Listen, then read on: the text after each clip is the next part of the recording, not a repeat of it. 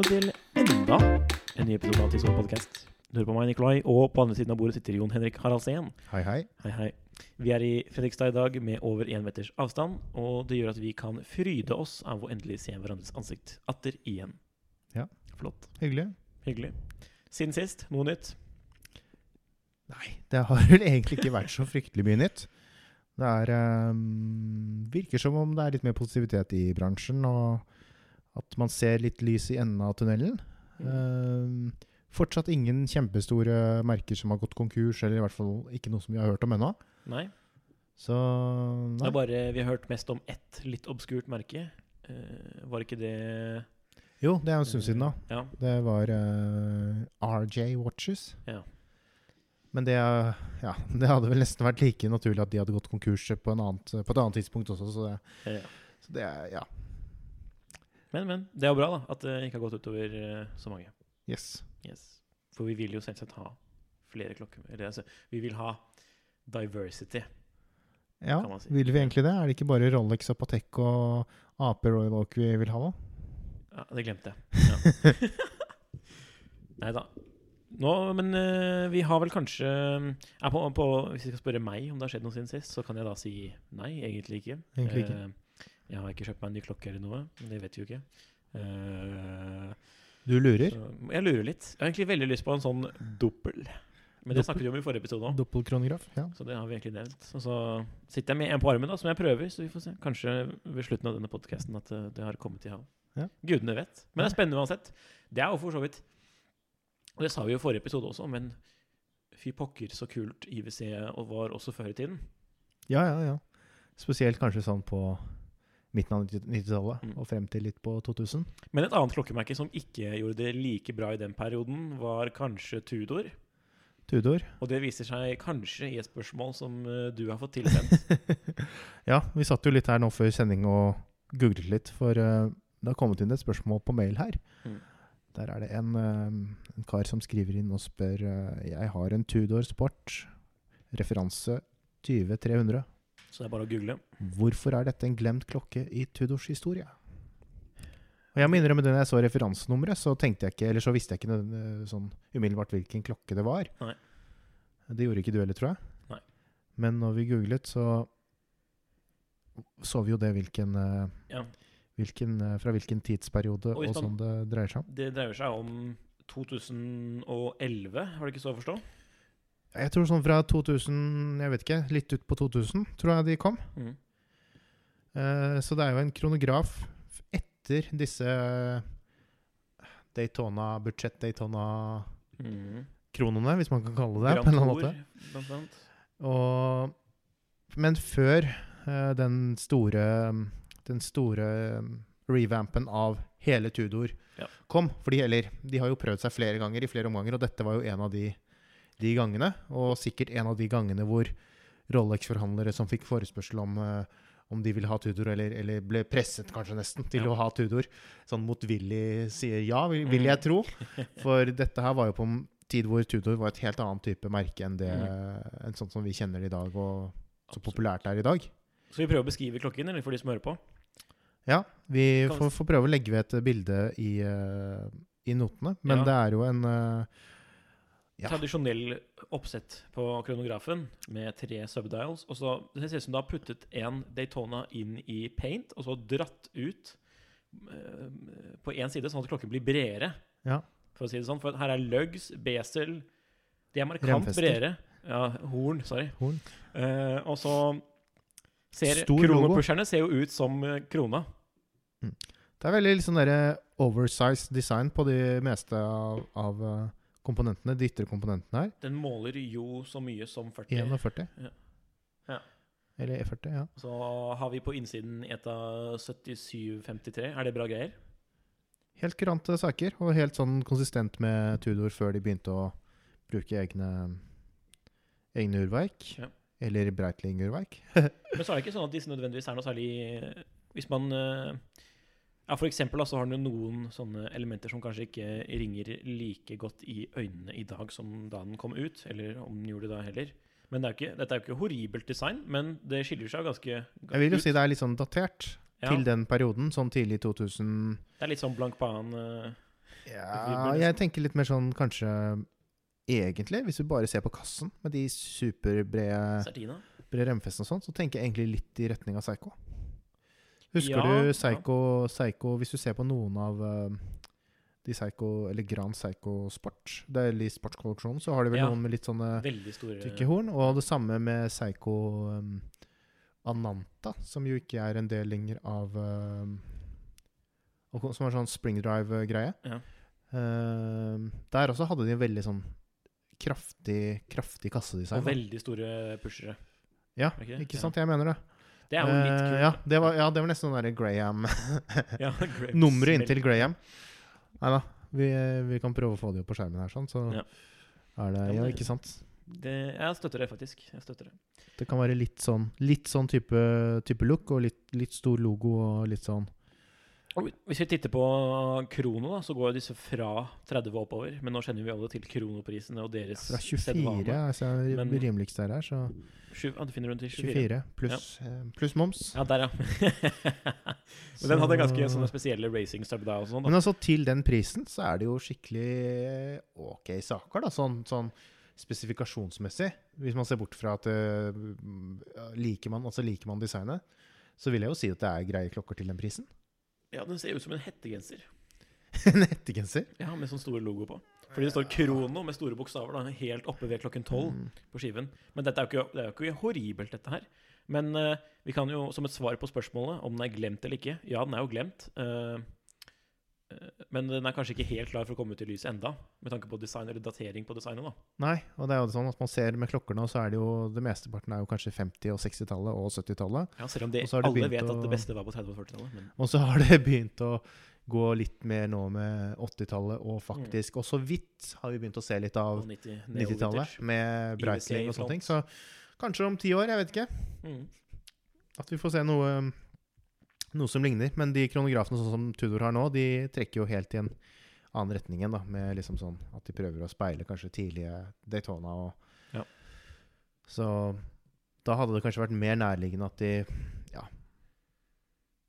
Jeg vet ikke, en big block hadde vært noe liksom å kjøre på den biten av historien. Om det blir litt for smalt, kanskje. For, og litt for likt Ja, og den har jo Som annen skulle gjort annet eh, oppsett på Subday også. Der er jo alle flyttet Ja. til Og da blir det jo det at det, på grunn av liksom 77-50, og Ja. så blir det Og nå har, bruker de jo Breitling-verket som kanskje er nærmere et sånt oppsett som, eh, Ja. som det vi har her. Så ja. Nei, jeg vet ikke. Det er glemt inntil videre, og så Ja. syns jeg kanskje egentlig det er greit. Ja, den er ikke veldig pen, men altså det, folk har jo forskjellig smak, liksom. Ja. Det vet vi jo alle. Ja. Men uh, det, det kommer helt sikkert en tid hvor dette her er kult også. Absolutt. For det, it's, it's all in a circle. Og så er det jo litt sånn hvilke personlige Hva man føler selv, da. Mm. Kanskje det er noe som noe man så Når man øh, var ung og hadde lyst til å kjøpe en sånn, hadde ikke penger til det, og så det i butikkvinduet, og det er mange Ja. historier da, som gjør Nå kom jeg, for de har, den her fins jo også med relativt lik kasse i time only. For jeg gikk på skole med en tysker som hadde fått den her av sine foreldre i konfirmasjon eller øh, graduering fra videregående. Ja. Og da Det var ikke den kronografen her, men det var da han hadde en time only. Ja. Den ligger det bilde på Instagram hvis noen er interessert i å se. Ja. Eh, så Og i notene. Og i notene. det skulle vi faktisk få til. Ja. Men den syns jeg ikke var horribel. Men når jeg så den, så hadde jeg aldri sett noe lignende fra Tudor. Nei. Eh, og dette var jo da Ja, men kult, da. Ja. Ja. Mm, nok om det, på en måte. Eh, jeg håper han som sendte e-postet, føler at han har fått et adekvat svar. Kanskje ikke det svaret man absolutt hadde mest lyst til å høre, men Nei. jeg vet ikke. Hvorfor ikke? Hvorfor ikke? Hvorfor ikke? Folk kan jo dømme selv hva de syns om uh, klokker, men uh, det kan godt hende at denne vokser på oss. Da kan vi jo i så fall se tilbake på denne episoden om 20 år og se hva er kult Den skulle vi kjøpt. kjøpt. Ja, så tenker alle nå fy faen at vi gadd å tenke på sub eh, for 20 år siden. Bare 30 000 for en uh, Tudor Krono Ja. sportkronograf. Om 20 år skal sikkert alle ha Rolex Bubble Back igjen, så Og Korum eh, Pirat. Må du ikke sette kaffen i halsen Nei, her? det var like før. Ja. Ja, ja. Men eh, siden vi alle vi har liksom Dette her kan vi jo Kan vi se det på som litt sånn en klokke som kan være en litt sånn første steg inn i interessen. At du kan kanskje få en sånn her gave på konfirmasjonen, sånn som min venn. da Ja. Og at det liksom starter en eh, interesse. Men så finnes det jo masse andre valg eh, for å starte en interesse også. ja. Nei, jeg syns jo Tu- Tudor er et veldig, veldig greit sted å, å starte, selv om det også nå koster litt eh, Det koster jo noen kroner. Det er jo ikke så billig. Um, så jeg tenker kanskje Hvis jeg på en måte skal anbefale uh, folk som har litt ambisjoner da, med Ja. klokker, ikke bare ha en klokke for å, fordi man uh, skal liksom ha en fin klokke til, til dressen eller til et eller annet sånt noe, men, men at man har litt interesse for klokker også. At man gjerne vil kjøpe en klokke som kan være moro å ha også når man lærer litt mer om klokker og, Ja. og sånt. Så tenker jeg at Tudor er et utrolig bra sted å starte. Samme med Men tenker du vintage eller nytt eller semi? Ja, altså det, det kan være litt både òg. Mm. Eh, nå har jo vintage Tudor blitt ganske, eh, ganske dyrt. Ja, men det er fortsatt en sånn gateway inn for å forstå hvordan man kjøper vintage Rolex, med tanke på variasjoner, eh, hva du ser etter osv., osv., med litt Ja. mindre risiko monetært. Ja. Eh, Det kan du si, men det er jo fortsatt Det koster litt, da. Det koster ganske mye nå. Jeg husker jo fortsatt når du kunne få blå Marie National uh, liksom, til eh, ja, markant under det som er i dag. Så det er vel Jeg er jo veldig notorisk dårlig på å følge med på andrehåndsmarkedet i forhold til priser og sånn, men jeg vil vel tro at man får ikke noe Man, man får um, Det er mulig å kjøpe en, um, en ny Tudor til en pris som er lavere enn det en, en attraktiv øh, vintage Tudor Ja, sub, for eksempel, er det ikke det? Ja, ja. Nå har jo til og med vintage subs fra 80 og 90, sånn som 79090, gått ganske markant opp i pris. Jeg husker at jeg solgte jo min for kanskje 30 eller noe sånt Ja. for uh, en del år siden tilbake. da. Men Uh, dette er jo da en Submariner som ser tilnærmet lik ut som Submariner, med Rolex-laget deler og Rolex-signed krone til og med, Mm. men med litt mer annerledes skive. Eller andre indisier, om man kan si det. Ja. Eh, pluss ETA, da, vel å merke. Ja.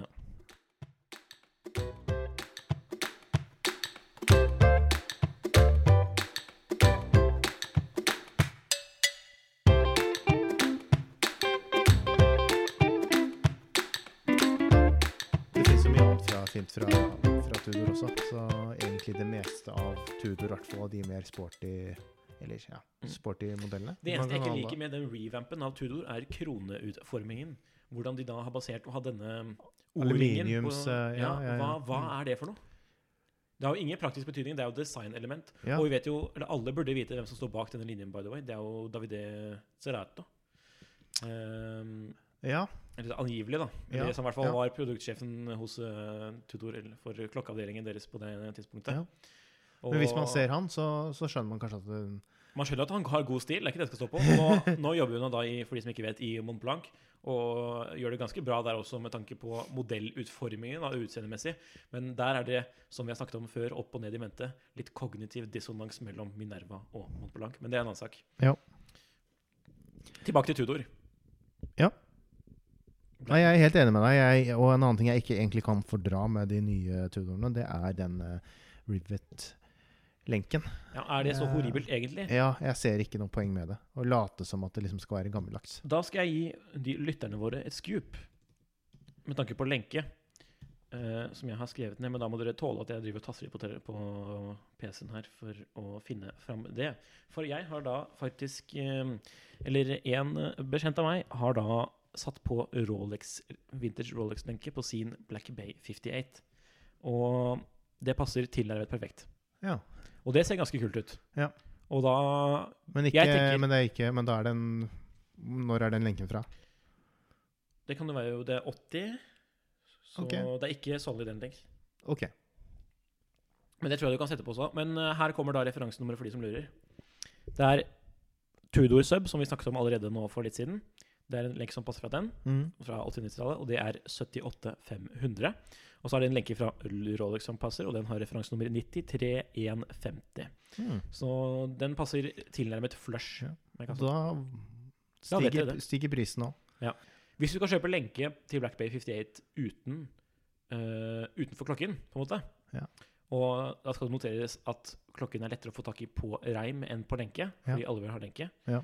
Og reimen koster da Dette var en quote jeg fikk for tre uker siden, typ, at den koster da tilnærmet 10 000. Lenken. Ja. Det er ganske mye Det smaker ikke godt, på en måte. Nei, det er ganske mye. Ja. Er Og da er det en klokke som koster Hva er det på lenke 35 eller 34? Ok, Noe sånt. Ja. Eller 32. Jeg er usikker. Det kan jo folk sjekke Og den koster i hvert fall ikke, og den koster ikke 25 på rem. Nei, nei, nei, det koster, det koster 3000 mindre. Ikke sant. Ja.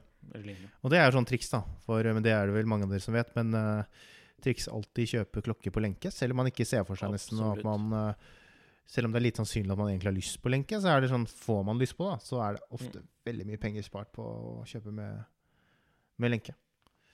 Uh, andre klokker som, er, um, som jeg liker veldig godt å anbefale sånn i forhold til uh, de som er litt ferske entusiaster, sånn, det er uh, Longin. Syns jeg har mye Ja, og da, da sier jeg se mot vintage.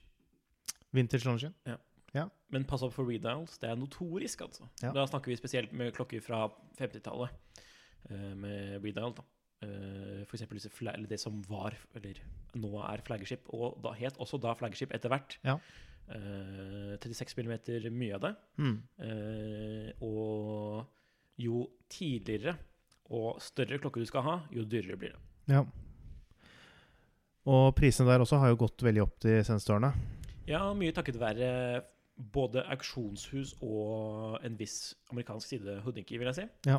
Fordi de har jo greid å sette lys på veldig mange flotte modeller Time Only som da har fått kallenavnet Calatrava pga. deres likhet mot datidens Patek også Calatrava, ikke sant? Mm. Eh, Pga. at det er slank eh, kasseprofil, pene lugs, eh, ofte kule sektorskiver og ganske bra størrelser. Ja. For da kommer du opp til sånne jumbo-størrelsekasser som er 38 mm, f.eks. Mm.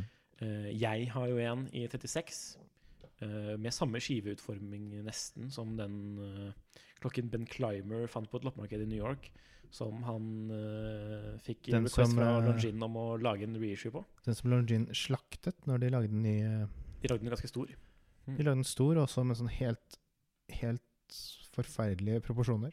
Var det det? Med liksom Ja, det sub- er veldig liten og nærme og senter. Veldig merkelig. Det var kanskje ikke den mest vellykkede, men de, har jo, de kom jo i fjor ut med en relativt fin en med stepped case Ja. eh, Ja.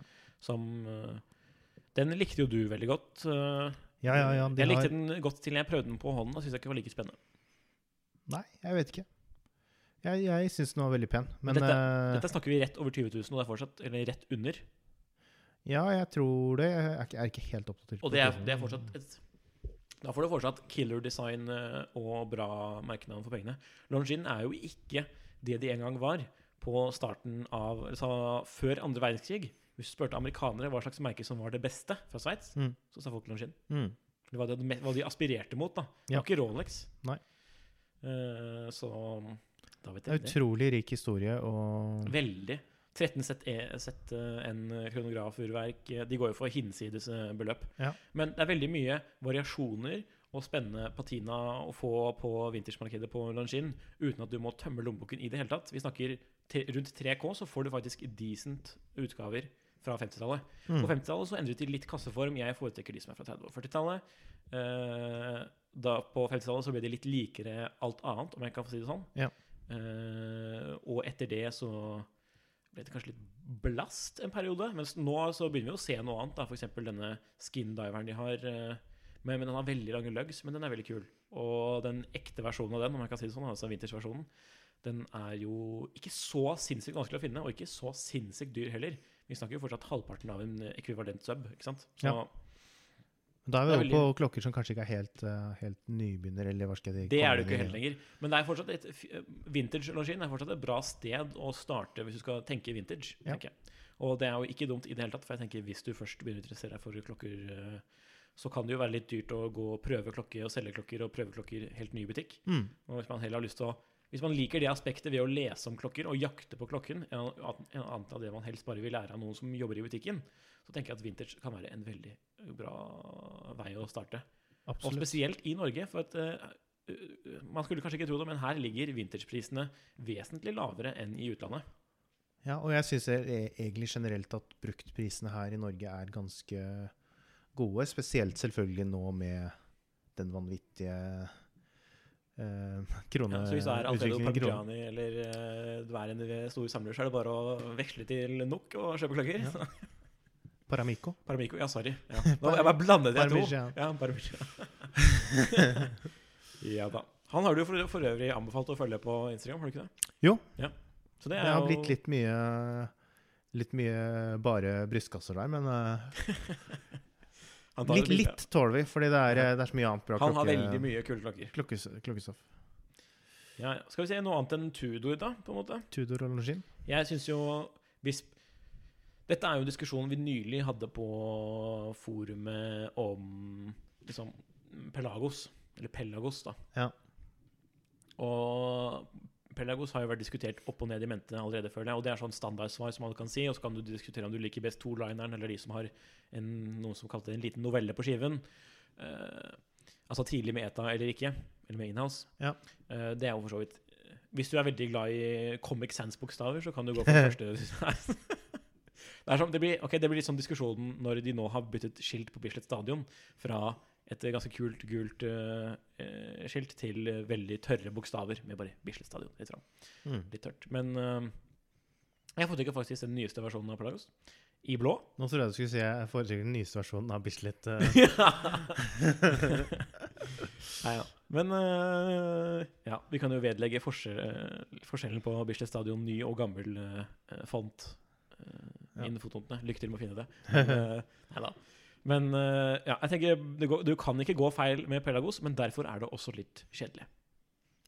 Du er kanskje ikke den største fanen av Pelagos, er du det? Selv om det egentlig er epiphany av liksom, Eh, moderne jeg tror diver. faktisk jeg heller ville hatt en Pelagos enn en uh, Black Bay. Og hvis jeg sier IWC 35 eh, Hva er det den heter? Aquatimer, da? 2000? Ja, da ville jeg nok kanskje hatt IWC. Ja, men er det da fordi det bare er IWC, eller fordi du Nei, ikke vil ha fordi jeg- Tudor fordi du ikke vil følge Bermen? Nei, jeg, det er fordi jeg liker IWC-designet bedre. riktig. Jeg synes jo Ja. Fordi, og IWC-en er jo faktisk da rimeligere på brukten. Det er den I kanskje. Pelagos koster nå 42 000 kroner eh, retail ny, Mhm. men du får den jo liksom 7K billigere nesten på brukten. ikke sant? Ja. Og det som er bra med Pelagos, er at det de ikke gjør på sine andre klokker, er at du får med gummireim og lenke til samme pris. Mm. Er det lenke med um, Endlinks? Solid, mener du? Ja, altså den, Nei, jeg, jeg, ikke Altså- sorry, sorry, sorry, nå sa jeg feil. Er den remmen du får med, er det med Endlinks? Husker du det?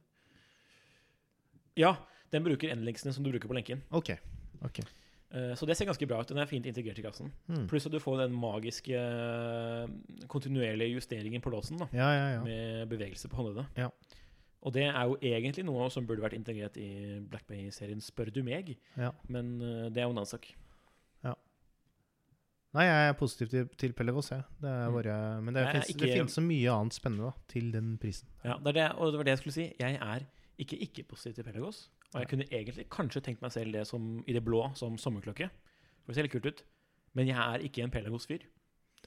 Hva er en Pelagos-fyr? Jeg vet ikke. Det. Men så føler jeg kanskje at Tudor får i, De får Tudor er kanskje det Rolex var før, på sett og vis. Litt tulaktig. Du, er du ikke helt enig? Jeg, kan, jeg, jeg, jeg, sier ikke at det er akkurat det samme. Har ikke Rolex alltid vært ganske dyrt, da? Ikke, Nei, altså på 60, superdyrt, 65 så kostet eh, da Da kunne du kjøpt de to andre dykkerklokkene som var på den tiden. Blancpain og Pokker, nå har jeg glemt det siste. Det var jo Rolex Blancpain og Det finner dere ut selv, dere som hører på. Men Blancpain koster da tilnærmet det samme. Og Blancpain var et, eh, ikke et dyrt merke før. Det var et relativt billig merke. Det var eh, en viss legende, JCB Jean-Claude Bivet, som gjorde det til luksusmerket igjen. Ja. Um, Rolex var jo ikke så så dyrt før da. Men det hadde vært fint å ha noen historiske data å basere disse Ja. utsagnene på. Men så vidt jeg husker, så har jo uh, Blog to Watch har en ganske sånn bra Rolex prisutvikling-graf. Mm. Eh, det finner dere hvis dere googler. Men um, Men nå har Ja. jo Tudor blitt dyrere også. det har jo det. Um, Og vi, det ser jo ut til at Rolex fortsetter å klatre oppover på stigen, på en måte. Ja. Uten men la oss ikke lage en podkast om det. Nei, for guds skyld. Tilbake til andre steder å starte. Og da kan vi jo Kan vi ikke snakke litt om IWC sin Heritage-kolleksjon, som de kom med for eh, i Var det 2012? eller Vintage Collection. 2011? Ja, Vintage Ja. Collection. Sorry. Ja. Det er altså bra sted å starte på brukten. mm, På brukt så er det det. Men når vi snakker nytt, så jeg bare, sånn, vi bare nevner det før jeg glemmer det. Mm. Eh, Sinn. Sin. Absolutt. U50. U50. Ja. Vær så snill. Den er så kul, altså. Ja. Nei, det er en av de klokkene jeg virkelig gleder meg til å få sett nå, forhåpentligvis eh, live i år. Og for de som tenker at Tudor Pelagos i Titanus, som var eh, er et puristisk toolwatch Jeg hadde valgt sin U50 valgt... any day of the week. Me too. Og prisen er mye hyggeligere òg. Mm. Den koster vel 25, er ikke det? Ja, ja. Pluss moms, da. Pluss moms. også, Mm. ja, det, var vel, det er vel inkludert tysk moms, så det blir x, x tysk moms og pluss norsk moms. Eller så har vi jo en Så under, under 30, da, sannsynligvis. Un, Oslo Urservice er vel forhandler også. Og Eh, Urmak Jacobsen på Jacobsen Lillestrøm. På Lillestrøm ja. Det er vel de to, Mm. Så det er jo egentlig bare å ta en titt innom. Jeg, slik jeg har forstått det, så har de vel Har de fått noen ennå? Nei, det vet jeg ikke. Jeg hørte noe om at det var eh, i hvert fall en del som hadde bestilt. da Så det er, Bestilt noe, U50. det er i hvert fall hyggelig. Kanskje Ja. vi skal gjøre det samme. Hvilken utgave liker du best, da? Jeg liker best den som er med sort besel og vanlig den kassen. SDR. Ja. ja. Den er litt enig. kul. Helt enig. Men kanskje vi skulle laget noen sånne med tidsånd på baksiden eller noe sånt. Det er, for, det er Altså, siden Du er den andre som sier det nå. fryktelig flinke, og det kan vi for så vidt legge i fotnot også, men å anbefale å følge siden sin som uh, Var det markedsføringssjef eller Product eh, Dude på Instagram? Altså Tim? Ja. Ja. Kjenner du han? Tim, ja. Mhm. Mm. Samme navn som hunden, hunden min, holdt jeg på å si. Eller hunden til foreldrene mine. Så derfor det skal. Men så det jeg å anbefale. Eh, Vi legger link i notene. ja, han passer forresten for ikke så veldig lenge siden en ganske kul sånn vintage-modell fra Sinn. Som, Og ja, for de som tror Sinn har jo til og med eid Navitime-designet. Det er også en ganske kul starter-klokke, hvis du ikke har lyst til å bruke Og Hoier, uh, Hoier eh, 1550 SG. Eller de har vel ikke eid designet, men de kjørte jo all service på, på Bond, eh, Hoier Bond. da. du. Så de satt jo med delelager og fullt, og lagde jo i en, en liten periode også egne klokker som er Jeg mener det var med det samme samme eh, verket og, og helt de samme komponentene, altså. Men med en annen skive. Ja. Og så har de også klokker nå i kolleksjonen som er ganske like disse pilotklokkene. Ja. Så de, Sinn har gjort mye kult, og Sinn eier jo også, eller de som eier Sinn, de eier jo også kasseprodusenten SUG, som er i Glasshytta. Og Kult. de har laget uh, kassene til uh, Hvis du husker Sport Evolution fra Glasshytte original. Ja. Så Med sånne de liksom beefy uh, verktøyklokkeaktige Mm. kassene. Pluss, plus, ja, de hadde også en sånn veldig kul variant med sånn antisjokk-greie. De lagde de kassene også.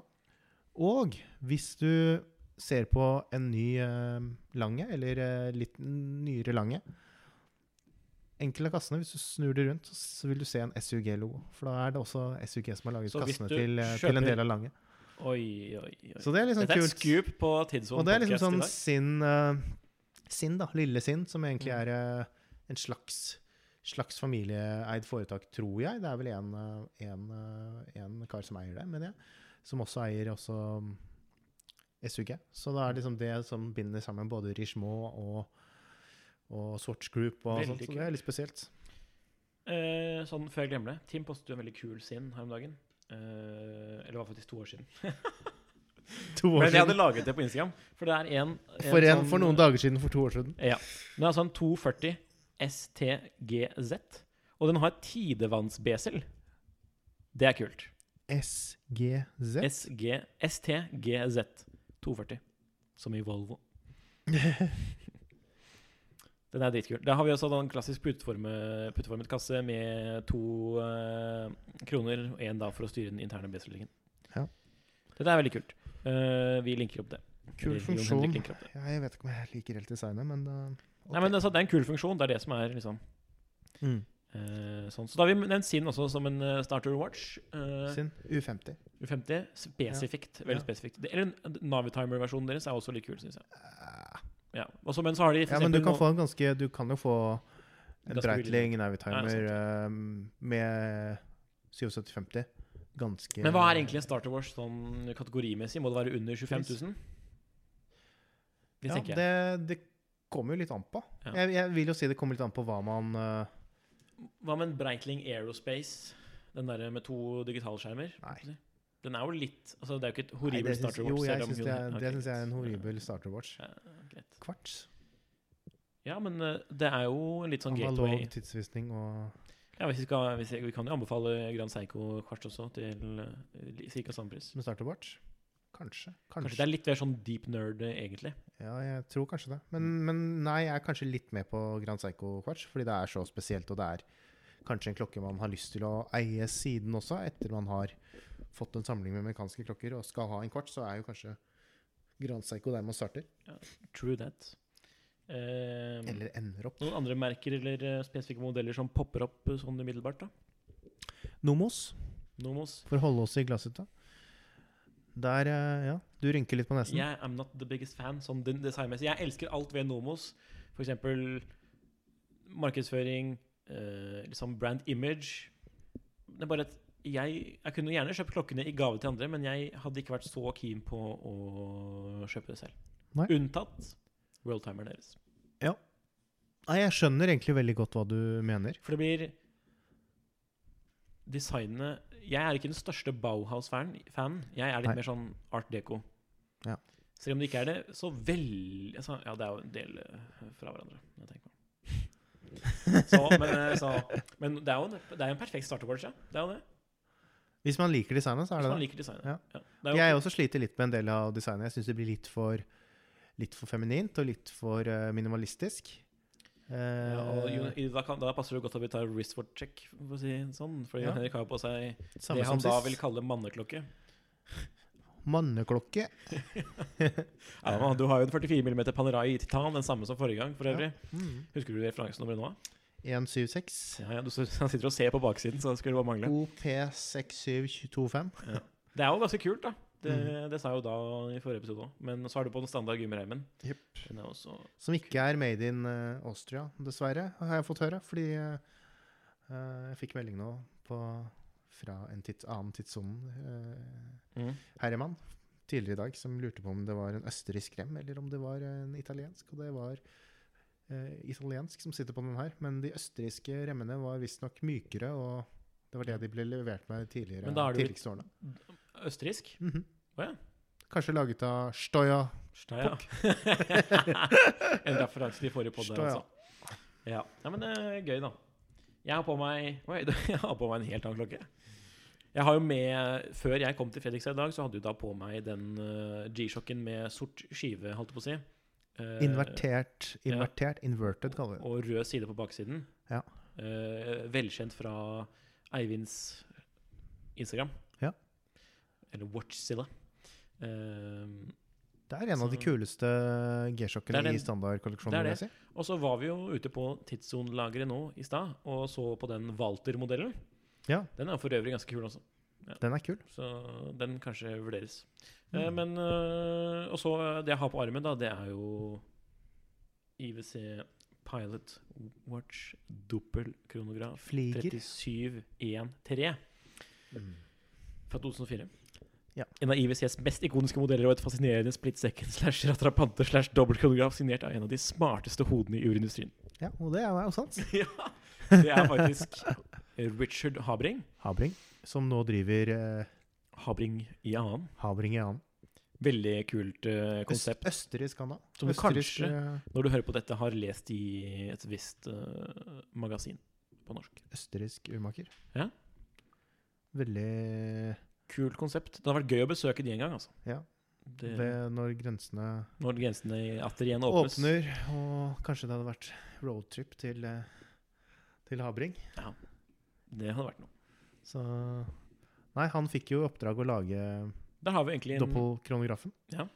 Uh, han har en veldig fascinerende historie bak han. Vi bør ikke kanskje gå for altfor mye inn på det, men det var vel eh, ryktene blant annet var, sier at blant annet Kurt Klaus, som jobbet i IWC på den tiden, var, Mm.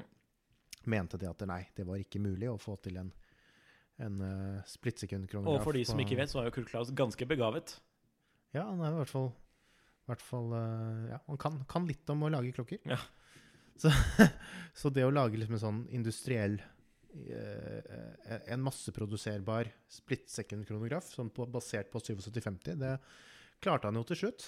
Mm. Og den ble plassert da i pilot pilotserien, eller Flieger-kolleksjonen. Som på den tiden Han, eh, ifølge Habring selv, så syntes han jo det var fryktelig merkelig å, å dytte en splittsekundkronograf inn i en pilotklokke. For det er jo, piloter har ikke noe behov for å drive og ta deltid og, og sånn. Så det var egentlig bare helt sånn for han ganske meningsløst. Men det var jo på den tiden hvor IWC også var i en prosess hvor man skulle bygge opp, bygge opp selskapet igjen sammen med, sammen med Jeger og, og også med Lange. Ja. Så da ble det det som var liksom sporty, er sporty passende klokken. Så Carlos gjerne kommer til portug portugiser og sånn, hvor den kanskje kommer litt mer til sin rett. Ja, Men hadde den egentlig gjort det? Jeg vet ikke, altså den Hvor kommer atrapante liksom, fra i utgangspunktet sånn historisk sett? Nei, det vet jeg faktisk ikke. Nei, Det skal vi sjekke opp til neste pod. Ja.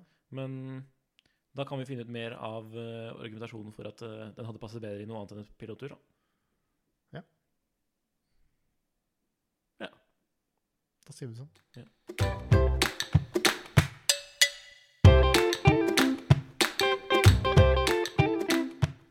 Noen andre starter watches å snakke om?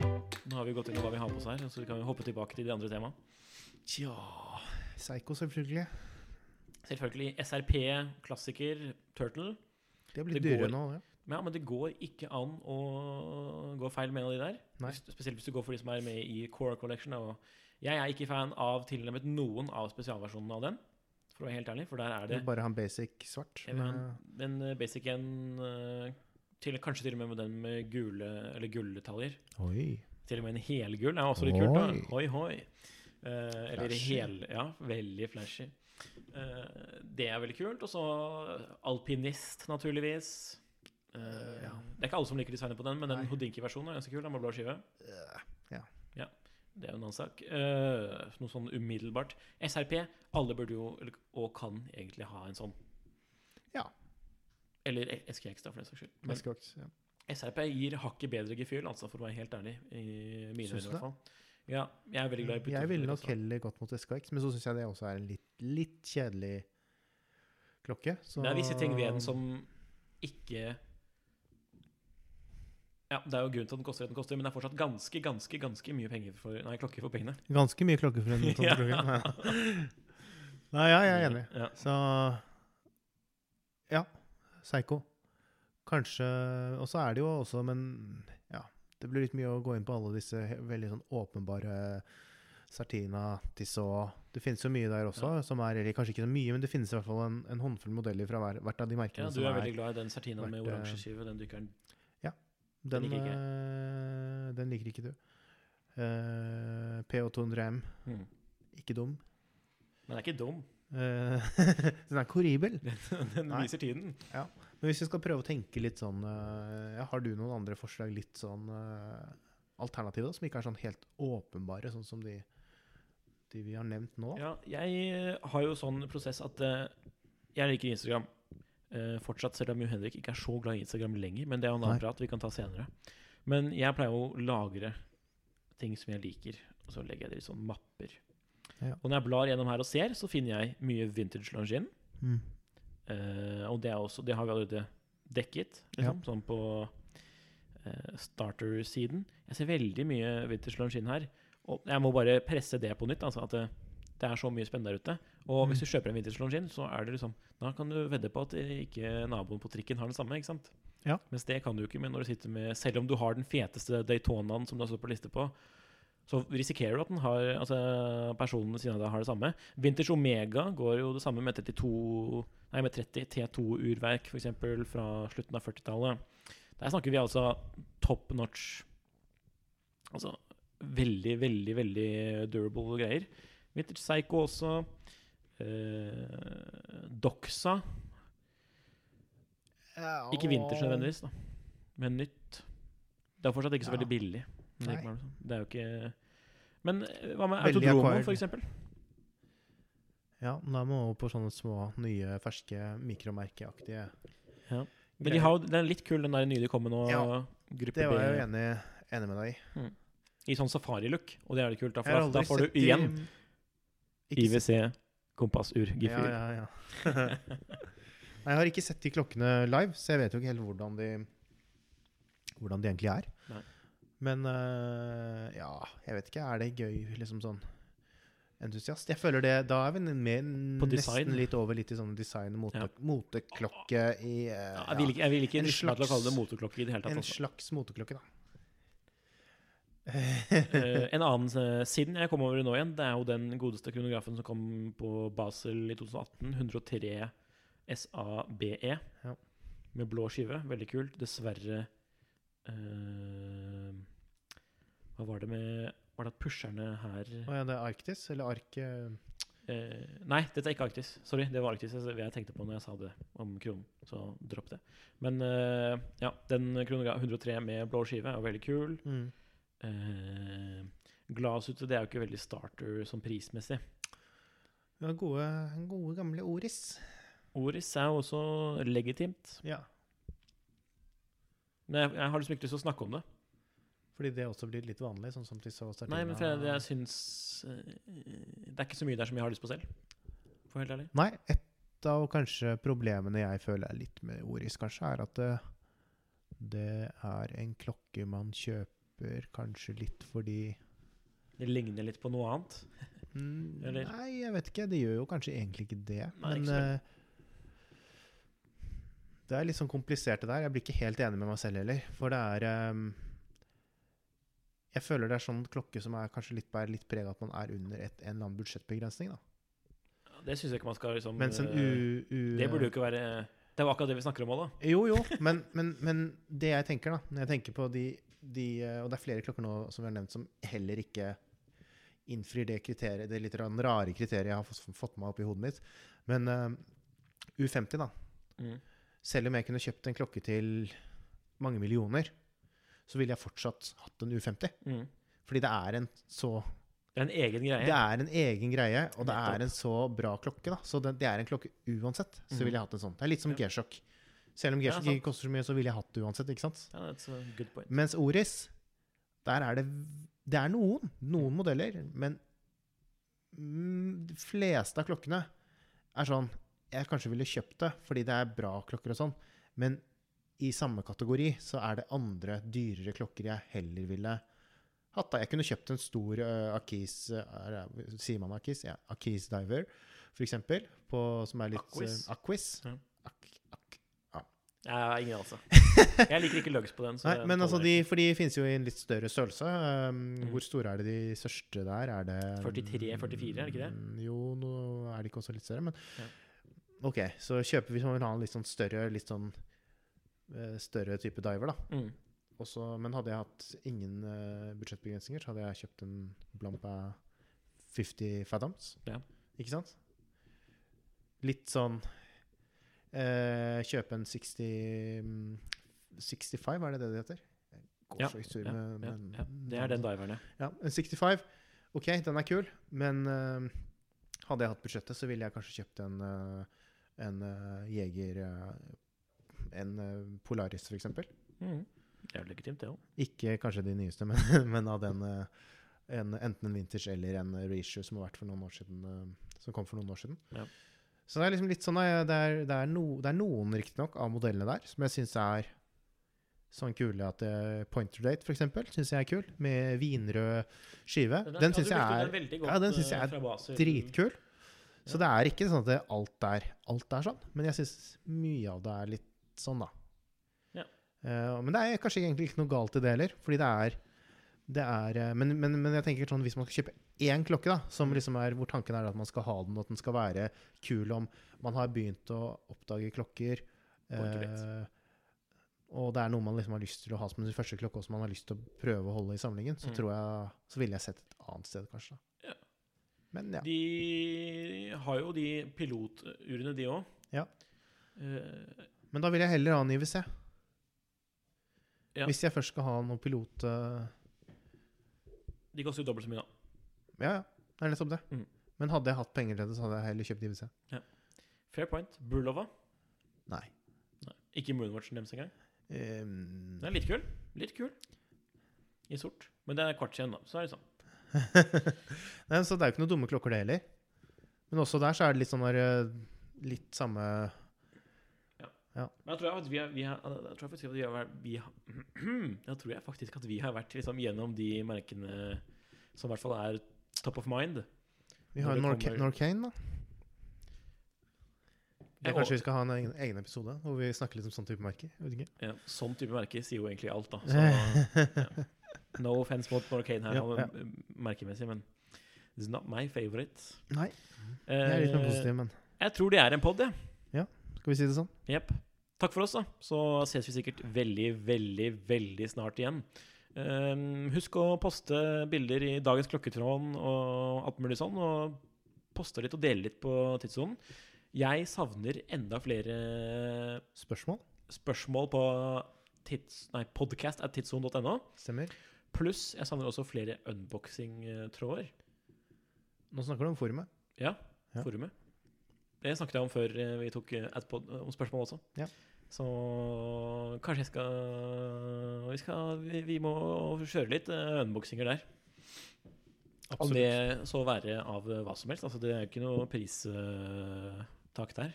Si. Eller, eller start eh, noe minimumskrav, for å si det sånn. Det er bare gøy. Så ja. Og for alle de som lurker på forumet og syns det er litt, kanskje litt skummelt å skrive, og det er mange, Skriv en post, ja. selv og- Skriv noe. skriv noe. Jeg mener det. Det er um, Og tidsom så kan man faktisk uh, finne både venner og nye klokker. Ja, og en ting jeg vil si når vi kommer inn på det, sånn, det er jo bare å skrive, ikke være noe redd for å- hvordan man blir tatt imot sånn, fordi alle er veldig, det er veldig grei takhøyde. Ja. Og hvis man ser på, det synes jeg er litt morsomt da, for jeg postet jo en sånn merkelig tråd nå for litt siden, som det fikk noen, et par reaksjoner på som jeg synes var litt rart. Jeg lagde en tråd om Lego. Ja, den Som, også, og det er jo litt sånn rar, det er jo kanskje for noen en litt rar eh, hobby eller interesse, men, eh, ja, men det er også også der så ble som det jo folk synes er litt rart. ja, og nå, og nå så jeg nå har det kommet til knivtråden. Den, den starter jo jeg også jeg for noen ja, ja. Og den har vi. Og så har vi git- gitartråden. Og nå Ja. ser jeg det kommet til verktøy Verktøytråden. Ja. ja, men det som, er gøy. Det er gøy. som er dritbra. Jeg Så- var inne tidlig, tidlig i dag også, og jeg er allerede Jeg må ha, eh, må ha noe av det som er Ja, og da er vi inne på det gjennom at eh, klokkeinteresse gjerne overlapper med så mye annet også. Ja. Eh, Metalldetektortråden! ja! Der syns jeg det begynte å bli litt rart. Men, men det er kult. Jeg, jeg, jeg syns det er fascinerende. ass. ja, ja, ja, jeg klikker meg Jeg er skyldig i å ha sett på metalldetektorvideo på YouTube. Hva sa du? Jeg er skyldig i å ha sett på metalldetektorvideo på YouTube. Du Og det det? syns jeg faktisk vi kan avslutte med. Takk for oss. Takk for oss. Vi ses igjen.